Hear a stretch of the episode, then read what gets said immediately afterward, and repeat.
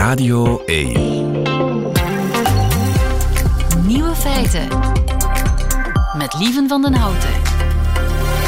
Dag en welkom bij de podcast van Nieuwe Feiten van vrijdag 22 september 2023. In het nieuws vandaag dat een inleidend gesprekje met een quizkandidaat dat dat soms een verrassende wending kan krijgen. Vraag dat maar aan mijn Nederlandse collega Bart Arends van NPO Radio 2. 60 seconden spel. Chantal van Esch, goedemorgen. Hey, hey, goedemorgen. Je bent onderweg naar een winkel met grasmaaiers. Ja, daar was ik inderdaad naar onderweg, dat klopt. Wat ga je... De, ja, ik, ik heb een vermoeden, je gaat een grasmaaier kopen, maar uh, Ja, voor je man toch? klopt. Ja, dat was wel de bedoeling voor mijn man. Ja, Oh, was ja. het een geheim cadeautje eigenlijk? Want het is niet Ja. openbaar op de radio. Ja, nou goed, dat is, al, dat is dan toch snel geen verrassing meer, hè? Oh, dus dat is niet zo erg. Gelukkig. En wordt het een eh, staafgrasmaaier, een handgrasmaaier, een robotmaaier of zo eentje waar je op kunt zitten? Nee, nee, nee. nee dat, eh, erop zitten, dat doe ik liever op een andere manier. Ehm, we gaan verder met het spel. Ja, we gaan verder met het spel. Als de quizkandidaat de presentator klem praat, het gebeurt te weinig. Misschien straks in de Nieuwe Feiten quiz. De andere Nieuwe Feiten vandaag. Christine Verbeke, astrologe van de KU Leuven, maakt een ruimteweerbericht. De vissen zijn aan het krimpen. En Annelies Bontjes, Nederlands journalist in Brussel, ontdekt knokken of. Lander en Mirte van Grofgeschut, die hoort u in hun middagjournaal. Veel plezier.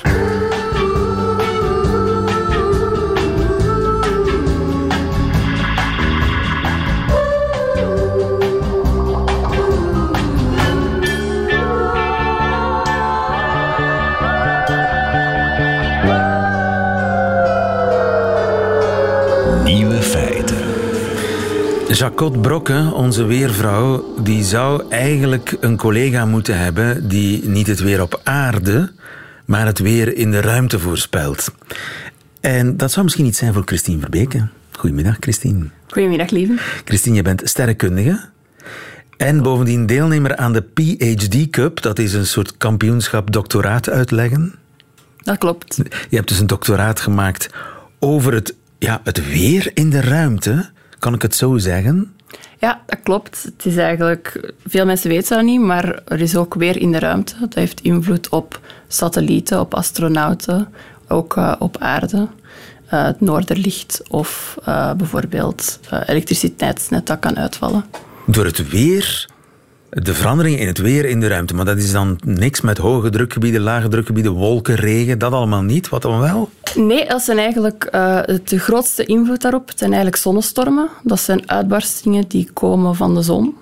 Ehm, Uitbarstingen, wat, wat voor uitbarstingen? Wat barst er dan uit eigenlijk? Ja, dat zijn grote, ehm, grote wolken, zou ik het kunnen noemen, een beetje.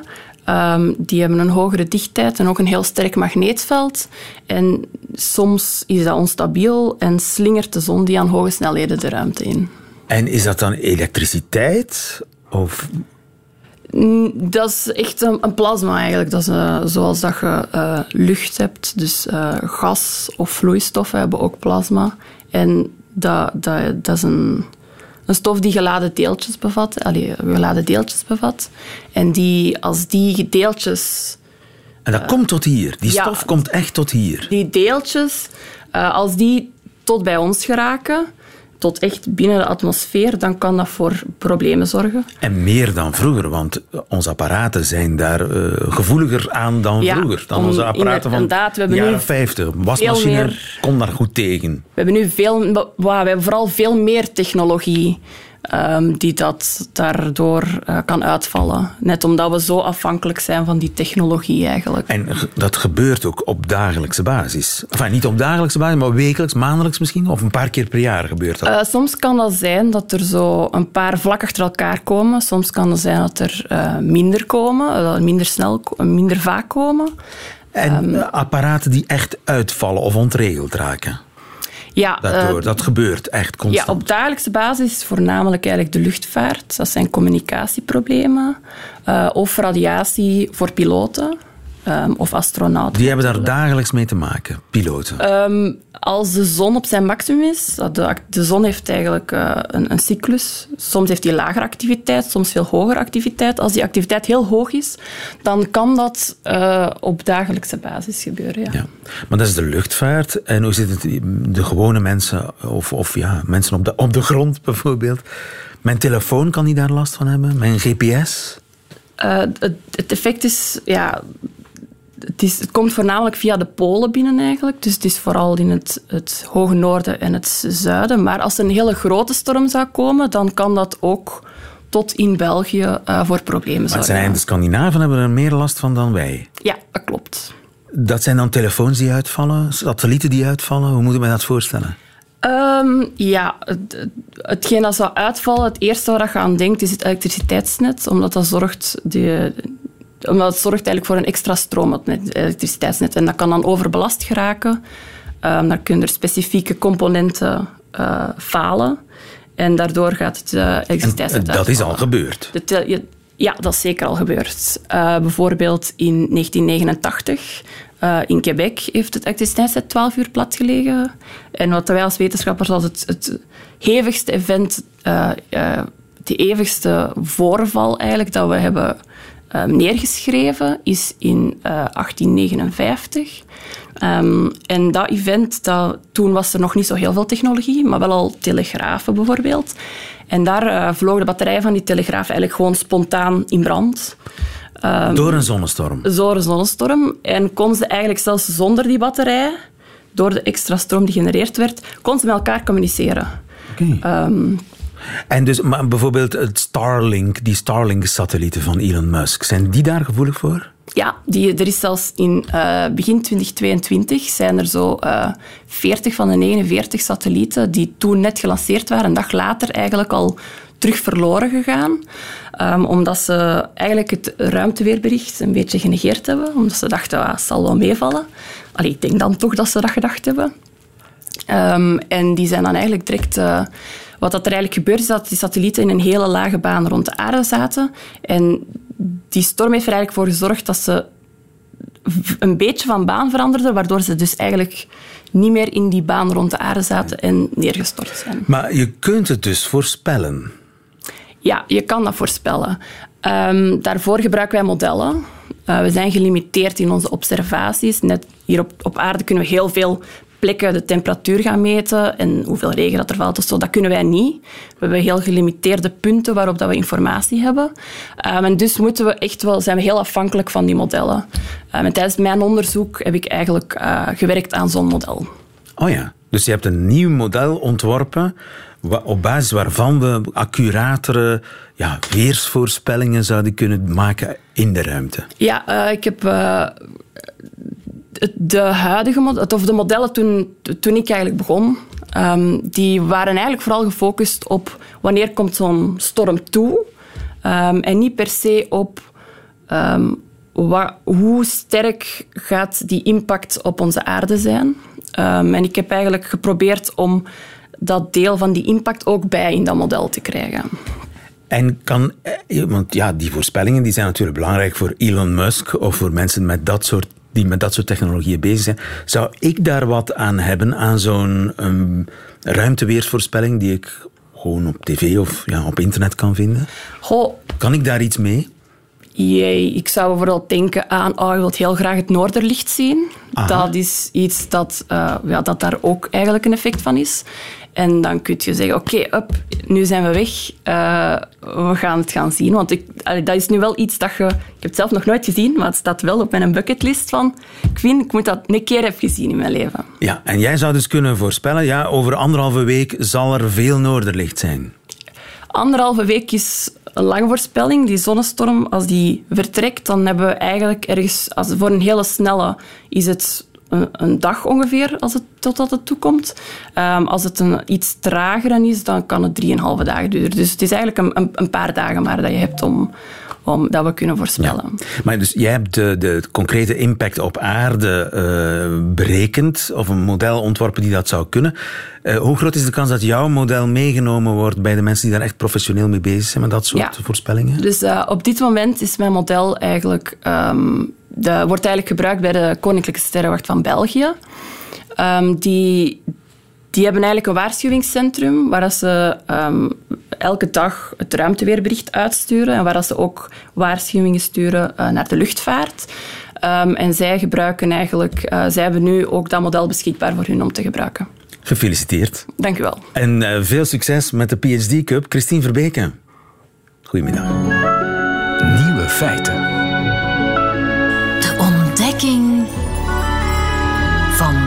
België.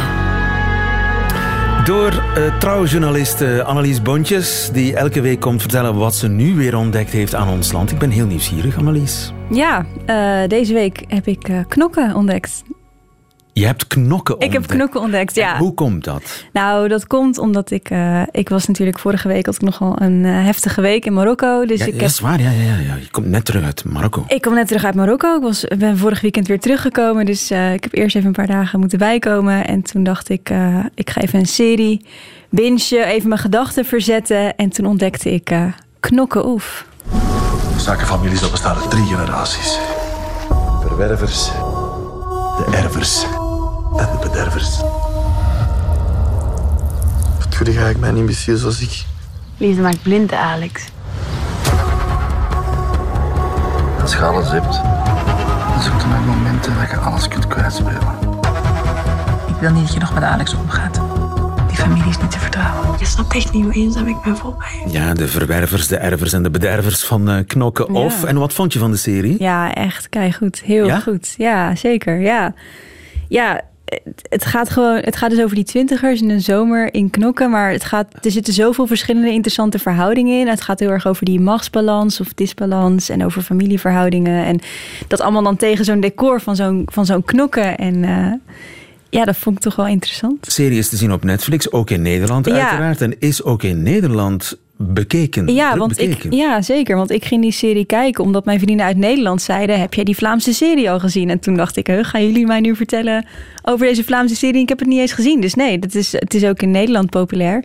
Ehm, en ik kende Knokken wel, want ik was er een keer geweest. Eh, want Knokken is denk ik door die serie bekend geworden bij een breed publiek nu in Nederland. Maar het was al bekend bij een nichegroep, namelijk vooral jongeren uit het gooi.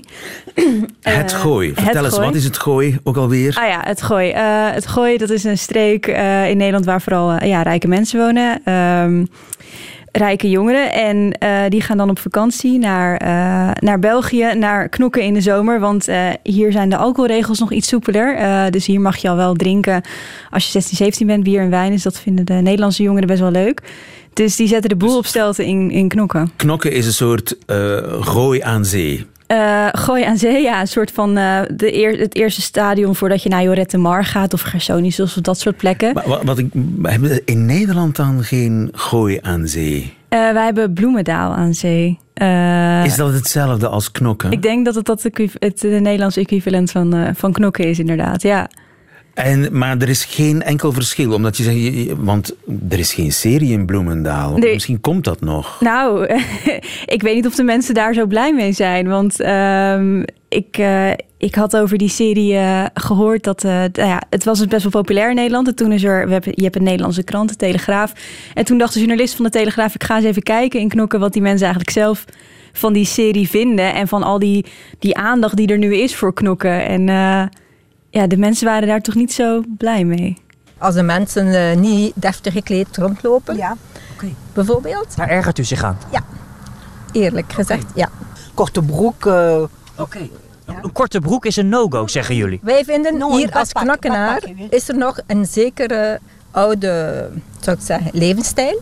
Die zou moeten behouden worden. Soms eh, komen mensen van eh, Frankrijk en van zo met de frigobox op de strand. Die... Het is niet de strand dat u moet zoeken als u dat doet. Eh, Het is eh, een vrij hoog niveau. Ach, geef die vrouw een programma. Ja, ja een vrij hoog niveau. Ja, ja. Alleen al hoe ze praat, geweldig. Ja, toch? fantastisch. Ja. Maar ja, dus die mensen in Knokken die zijn helemaal niet blij dat iedereen nu naar Knokken komt door die serie. Dus ik denk als ze een serie over Bloemendaal aan zee zouden maken, dat je dan wel dezelfde reacties gaat krijgen daar. Dus ook in Bloemendaal aan zee is een korte broek eh, niet welkom. Dat is een no-go, denk ik. Ja, echt waar. Ja, nou ja, ja, het is de rijkste gemeente van Nederland. Daar, daar zul je geen mensen in shorts zien lopen, nee. Oké. Ja. Maar die hebben dan wel geen Frans accent? Of toch wel? Nee, die, die praat een beetje met een R. Oké. Met een, met een bekakte R. Maar dus eh, ben je eh, in de verleiding gekomen om naar knokken te gaan intussen? Nou, ik moet, wel, ik moet wel zeggen, als je die serie kijkt, Knokken ziet er nou niet zo super aantrekkelijk uit eigenlijk, toch? Ja, doet- Bloemendaal is mooier. Nou, nee, ja, het stand is mooi, maar het is verder gewoon een beetje koud en kil. Ik denk dat ik daar weinig te zoeken heb, toch? Je vindt knokken koud en kil. In de serie overkomen. Oké. Oké, ga er eens kijken. Hè. Ja, het zoete natuurlijk eens, ook. Hè. eh, Het zoete is de, de echte villa-wijk, eh, helemaal in het oosten. Ja, ja, ja. Knokken. Goed, eh, je ontdekt ons land en dat is duidelijk. Maar je ontdekt natuurlijk onderweg ook onze taal.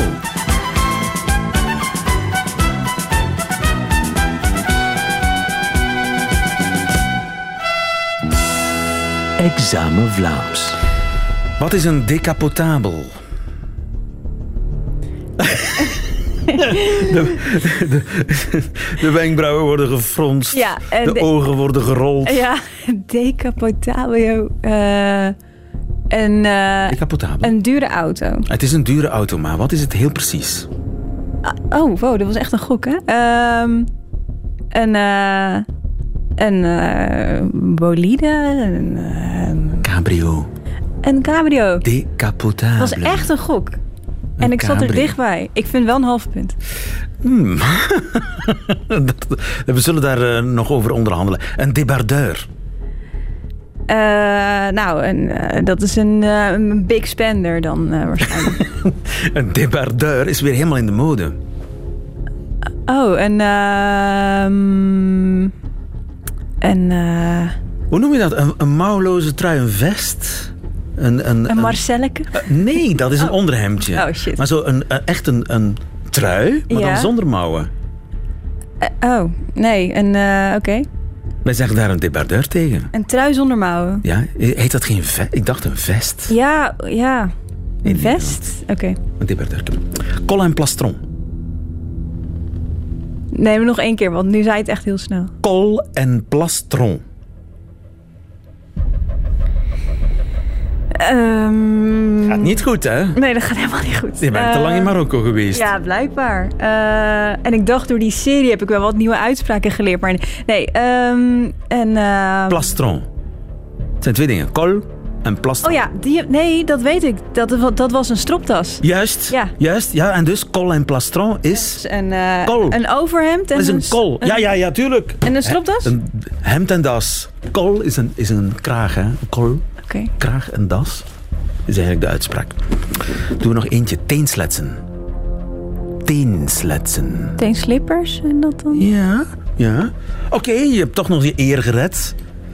Gefeliciteerd. Dankjewel. En we gaan... Oh, dat is ook een vraag natuurlijk. Wie is Eddie Wally? Eddie Wally. ja, die ken ik wel. Mijn adem gaat stokken wanneer ik jouw schoonheid bekijk.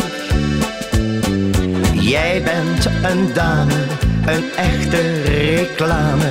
Geen badplaats die jou maar geleidt. Eddie Wally in debardeur. Ongetwijfeld. Een Spencer, natuurlijk. Ik kon niet op het woord komen. Nederlanders zeggen Spencer tegen een debardeurke. Eddie Wally en knokken, ook knokken. Nieuwe feiten.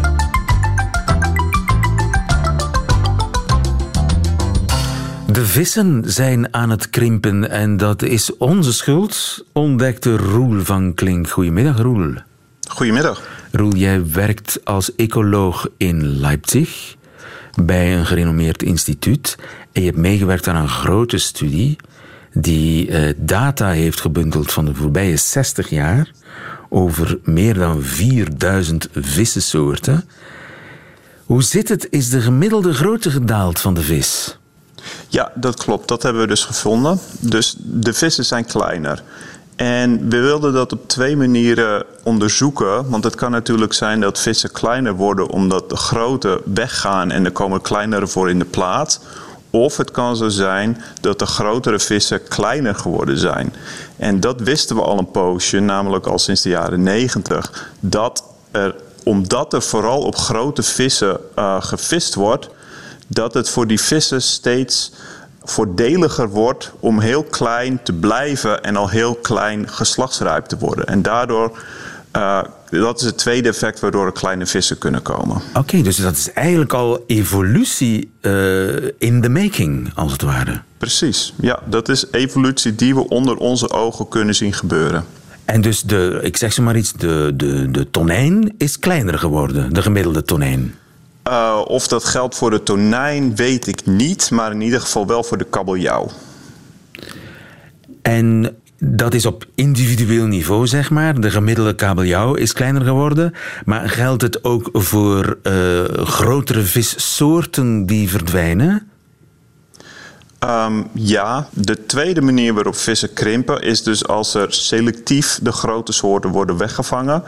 En die verdwijnen dan volledig. En daar komen er andere kleinere soorten voor in de plaats. En daar hebben we ook aanwijzingen voor gevonden dat bijvoorbeeld de totale biomassa van de vissen uh, op veel plekken gelijk blijft. Maar de grote vissen die verdwijnen.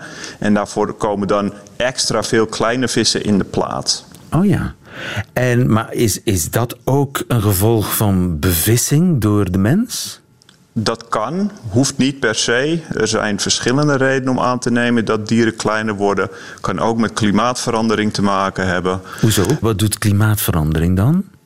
Klimaatverandering kan ervoor zorgen, omdat het steeds warmer wordt, uh, kunnen dieren sneller groeien en kunnen ze ook sneller uh, geslachtsrijp worden. En als daar een interactie tussen is, kan dat ervoor zorgen dat ze al kleiner geslachtsrijp worden. En dat kan je dus ook verwachten eigenlijk voor insecten en voor andere koudbloedige dieren. Oh ja, maar er is nog een derde reden.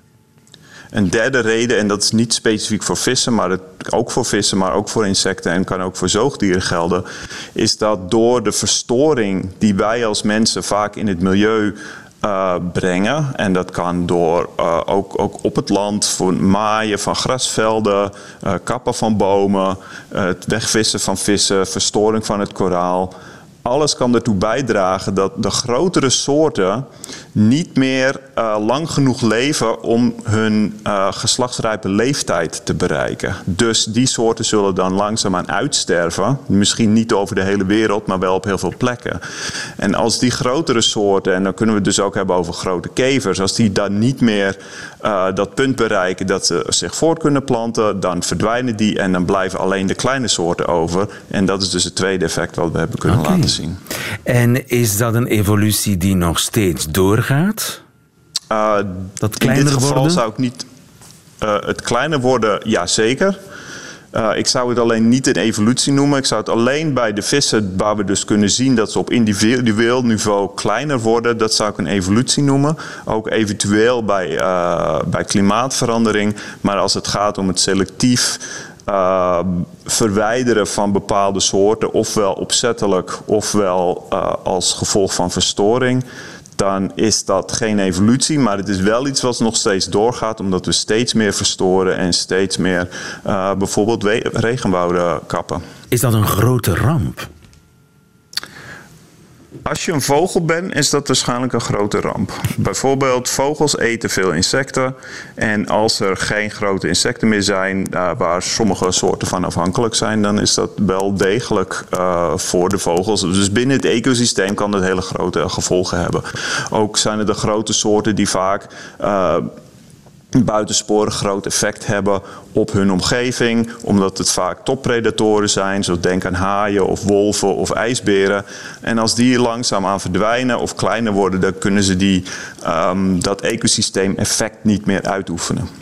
Dus het is wel degelijk de moeite om eens te kijken hoe we die, uh, die evolutie kunnen keren. En interessant genoeg, een andere collega van mij heeft daarnaar gekeken. En dan specifiek voor de kabeljauw in, de noord, in het noorden van de Atlantische Oceaan. En dan blijkt dus dat op onze manier van, uh, van vissen is het onmogelijk om deze evolutie terug te draaien. Dat kan alleen maar als we ver in de toekomst gaan kijken. Dus dan moeten we kijken naar 400 jaar in de toekomst en dan kijken van hoeveel kunnen we nog eigenlijk vissen, zodat die kabeljauw en waarschijnlijk geldt dat ook voor andere soorten, dat die evolutie omgedraaid wordt en dat we weer grotere kabeljauw krijgen, die dan in de toekomst op een um, sustainable manier kan worden ja. weggevist. Dus het duurt minstens 400 jaar voor de, de kabeljauw weer op zijn oorspronkelijke grootte zit. Minimaal 400 jaar. Dat is, en behalve als we nu compleet stoppen met vissen, dan kan het heel, heel snel gaan. Maar Uh, als we willen blijven vissen, moeten we echt gaan plannen voor minimaal 400 jaar. Uh, dat is duidelijk. Roel van Klink, dankjewel. Goedemiddag. Graag gedaan.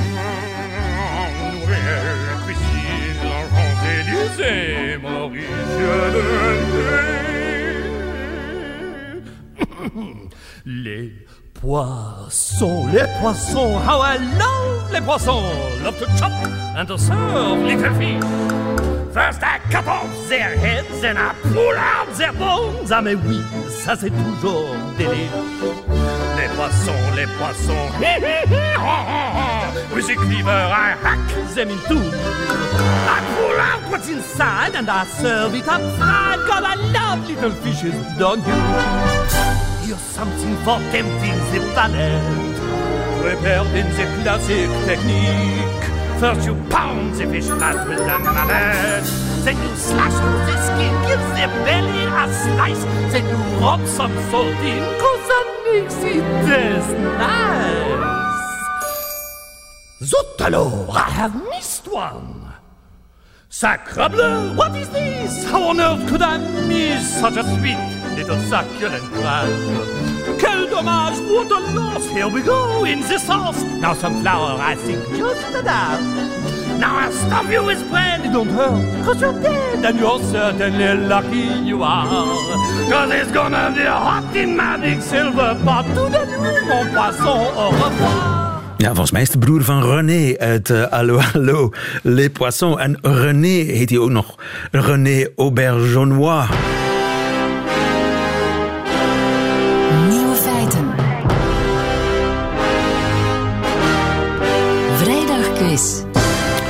Goedemiddag, Gilles Wijkmans. Goedemiddag. Samensteller en jury van de Nieuwe Feiten Vrijdagquiz. We spelen met Charles. Goedemiddag, Charles. Goedemiddag. Charles Engels uit Destelbergen, wat was je aan het doen? Uh, ik was eigenlijk net aan het eten, als je het mij vraagt. Ja, kip? Ja. Was het kip? Uh, nee, het was een lunch. Een, een gewone lunch. Oké. Okay. Quizkandidaten die presentatoren klein praten. Het wordt een thema-uitzending. Je speelt tegen Anne-Sophie. Goedemiddag, Anne-Sophie. Hallo, dag lieve. Wat was jij aan het doen, Anne-Sophie? Uh, aan het opruimen en aan het luisteren naar de radio uiteraard. Ach, en gaat het vooruit, het opruimen? Was het, was het echt een bende? Heel smerig, je huis? Nee, nee, nee, nee, nee. Gelukkig niet. Tuurlijk niet. Anne-Sophie houdt haar huis goed bij. Goed, jullie uh, spelen voor een boekenbon van 25 euro in te ruilen bij Confituur. Ik uh, test jullie kennis van vier nieuwe feiten. Ik begin bij Charles of Charlie. Charles, Charles hoe zeg ik het? Het is uh, allemaal om teven. Oké. Okay. We beginnen bij Charles, die zich het eerst heeft gemeld. Zolang Charles juist antwoordt, blijft hij aan de beurt. Bij een fout antwoord gaat de beurt naar Anne-Sophie. En wie het laatste nieuwe feit goed kent, die wint deze quiz. Charles, wat kan je beter als je iemand ziet geeuwen? Is dat A. hoofdrekenen? B. bedenken wat je s'avonds gaat eten? C leeuwen spotten? Mm, ik zou gokken op uh, bedenken wat je s'avonds gaat eten. Nee! Dat is het niet. Het is hoofdrekenen of leeuwenspotten. Anne-Sophie, wat is het? Ah. Uh, laat ons voor de leeuwenspotten gaan. C. Dat is helemaal goed. Gilles. ja, je kan... Leeuwenspotten gaat beter als je iemand ziet geeuwen. En niet alleen leeuwen, ook slangen. Um, dat is getest geweest, namelijk door uh, proefpersonen filmpjes te tonen van mensen die aan het geeuwen waren. En dan daarna kregen ze een foto waarin ergens een leeuw was verstopt. En dan was de, of een antilope, dus ofwel een onschuldig dier, ofwel een gevaarlijk dier. Dan werd er aan die mensen gevraagd, oké, okay, spot de leeuw nadat je dat filmpje van die geeuwende persoon hebt gezien. En dan blijkt dus wanneer, iemand, wanneer je iemand ziet geeuwen, dan ga je gevaar sneller spotten dan uh, onschuldige dingen. Waarom? Simpelweg omdat wanneer iemand aan het geeuwen is in jouw omgeving, dan ben je, jij bent minder waakzaam als je aan het geeuwen bent. Je bent aan het geeuwen, je ogen zijn dicht, noem maar op. En je omgeving compenseert dat door extra alert te zijn. Oké. Okay. Anne-Sophie, vraag 2 is voor jou. Waarom hebben panda's zwarte kringen rond hun ogen? A. Omdat ze een jetlag hebben. B. Om hun viriliteit te tonen, want grotere kringen staat voor virieler zijn. C. Om meer warmte op te vangen. Anne-Sophie. Oeh, moeilijk. Eh, ik twijfel tussen B en C, Ehm, maar ik ga voor B. Je gaat voor B. Fout! Is het niet voor jetlag, omdat ze een jetlag hebben, of om, dat, om meer warmte op te vangen? Charles. Om meer warmte op te vangen dan. Omdat ze een jetlag hebben. Gilles Wijkmans, maak dat een andere wijs. het, is, een beetje vrij geïnterpreteerd, eh, dit onderzoek. Nou, wat er werkelijk is bekeken is hoe de biologische klok van panda's in het wild verschilt met die van panda's in dierentuinen. Want panda's in dierentuinen die komen op andere hoogtes in de aarde voor, maken seizoen op een andere manier mee. Sommige dagen zijn veel korter, veel meer donker, noem maar op. En de biologische klok van panda's, die dus in noordelijkere gebieden wonen, is meer ontregeld en dus vandaar het begrip jet, ja, jetlag. Ja, oké. En, en die hebben andere kringen. Nee, ja, die kringen, die, nee, dat is gewoon een vrije interpretatie, zal ik maar zeggen. Jetlag, kringen... Oké. Oké, goed. Maar panda's hebben dus wel, panda's in noordelijke dierentuinen hebben wel een soort van jetlag. Die hun biologische klok is volledig ontregeld. Dat is eigenlijk het nieuws. Ja, exact. Maar dat was niet zo'n leuke vraag, dus vandaar. Oké. Goed, ehm, dus we gaan terug naar Anne-Sophie. Vraag voor jou. We gaan een geluid spelen. Ja, wat is dit, Anne-Sophie?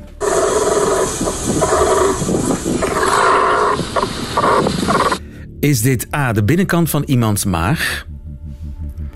B, een bronstige wasbeer? C, een kip met honger?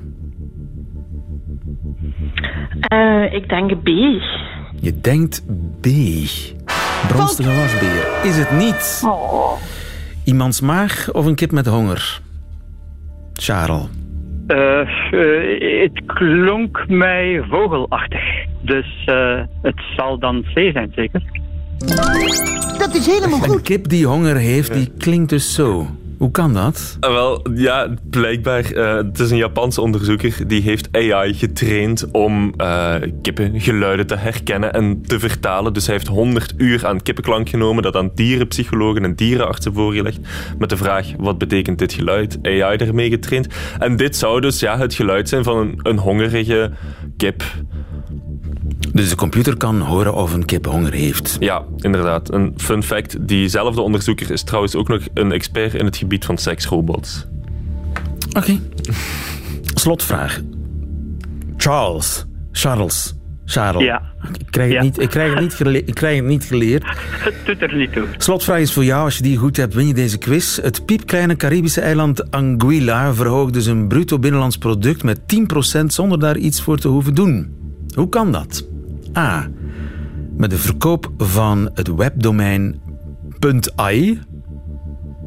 B. Er is een piratenschat aangespoeld. C. Een kleine aardbeving legde een gigantische diamantvoorraad bloot. Wel, eh, het meest waarschijnlijk vind ik A. Dat is helemaal goed. Het is gebeurd. Ja. We hebben een winnaar en dat is Charles Engels. Gefeliciteerd, Charles. Sorry, Anne-Sophie, het heeft niet mogen zijn, maar je hebt fantastisch gespeeld. Dankjewel, proficiat, Charles. Want eh Anguilla heeft zijn bruto binnenlands product met 10% verhoogd door de verkoop van het webdomein .ai. Ja, inderdaad. Dus zoals .be ons webdomein is, is .ai dat van Anguilla. En ja, AI, Artificial Intelligence, is hip and happening. Dus heel veel bedrijven willen een website met .ai. Oké, en dat betekent... ik dacht AI. Nee, nee, nee, nee .ai. Ehm, en ja, je moet daarvoor betalen als je zo'n webdomein wil. En Anguilla heeft er dus al 30 miljoen dollar mee opgehaald. 30 miljoen dollar is 10% van het bruto binnenlands product. Alles duidelijk. Weet je al welk boek je gaat kopen, Charles, met je 25 euro? Oh, nee, maar dat zal niet moeilijk zijn voor mij, want ik ben een fervent lezer. En wat is je favoriete schrijver? Mijn favoriete schrijver? Eh, moe, ik lees veel non-fiction. Eh, ik heb, ik heb gister, gisteren bijvoorbeeld nog het boek gekocht van Johan Terrein. Tot onze grote spijt. Uitstekende Eh, keuze. Ja. Charles, ik wens je heel veel plezier met je boekenbon. Radio 1. Nieuwe feiten. Ziezo, dat waren ze, de nieuwe feiten van vrijdag 22 september 2023. Alleen nog die van het Nederlands-Vlaamse cabaretduo Grofgeschut. Die krijgt u nu in hun middagjournaal. Nieuwe feiten. Middagjournaal.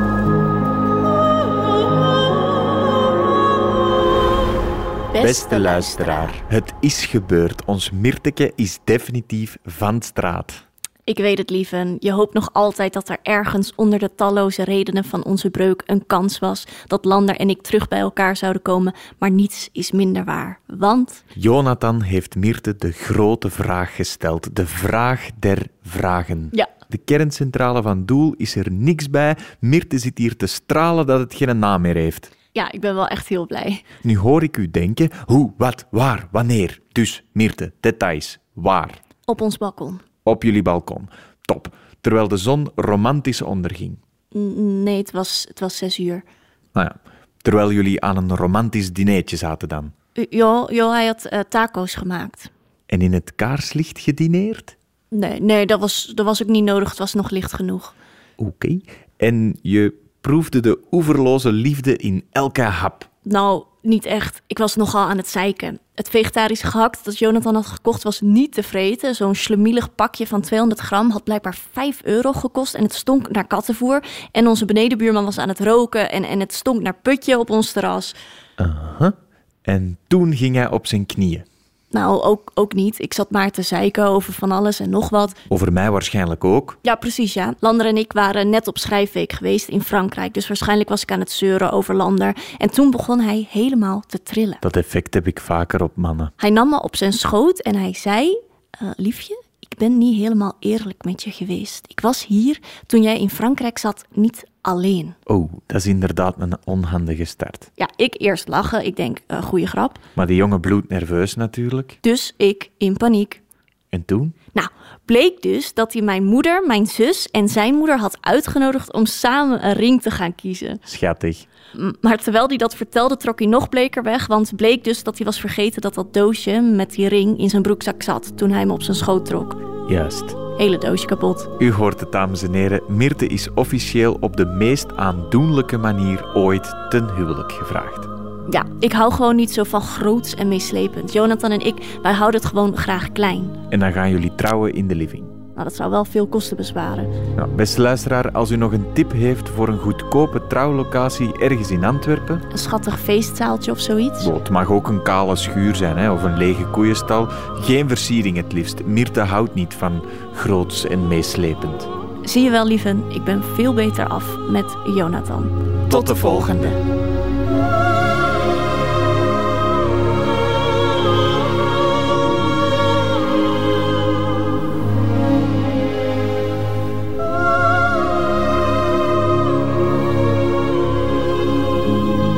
Valt nog te bezien. Meerte en Lander van eh, Grof Geschut in het Middagjournaal. Meteen het einde van deze podcast. Hoort u liever de volledige nieuwe feiten met de muziek? Dat kan natuurlijk elke werkdag live tussen 12 en 1 op Radio 1. Of on demand via de Radio 1 website of app. Tot een volgende keer.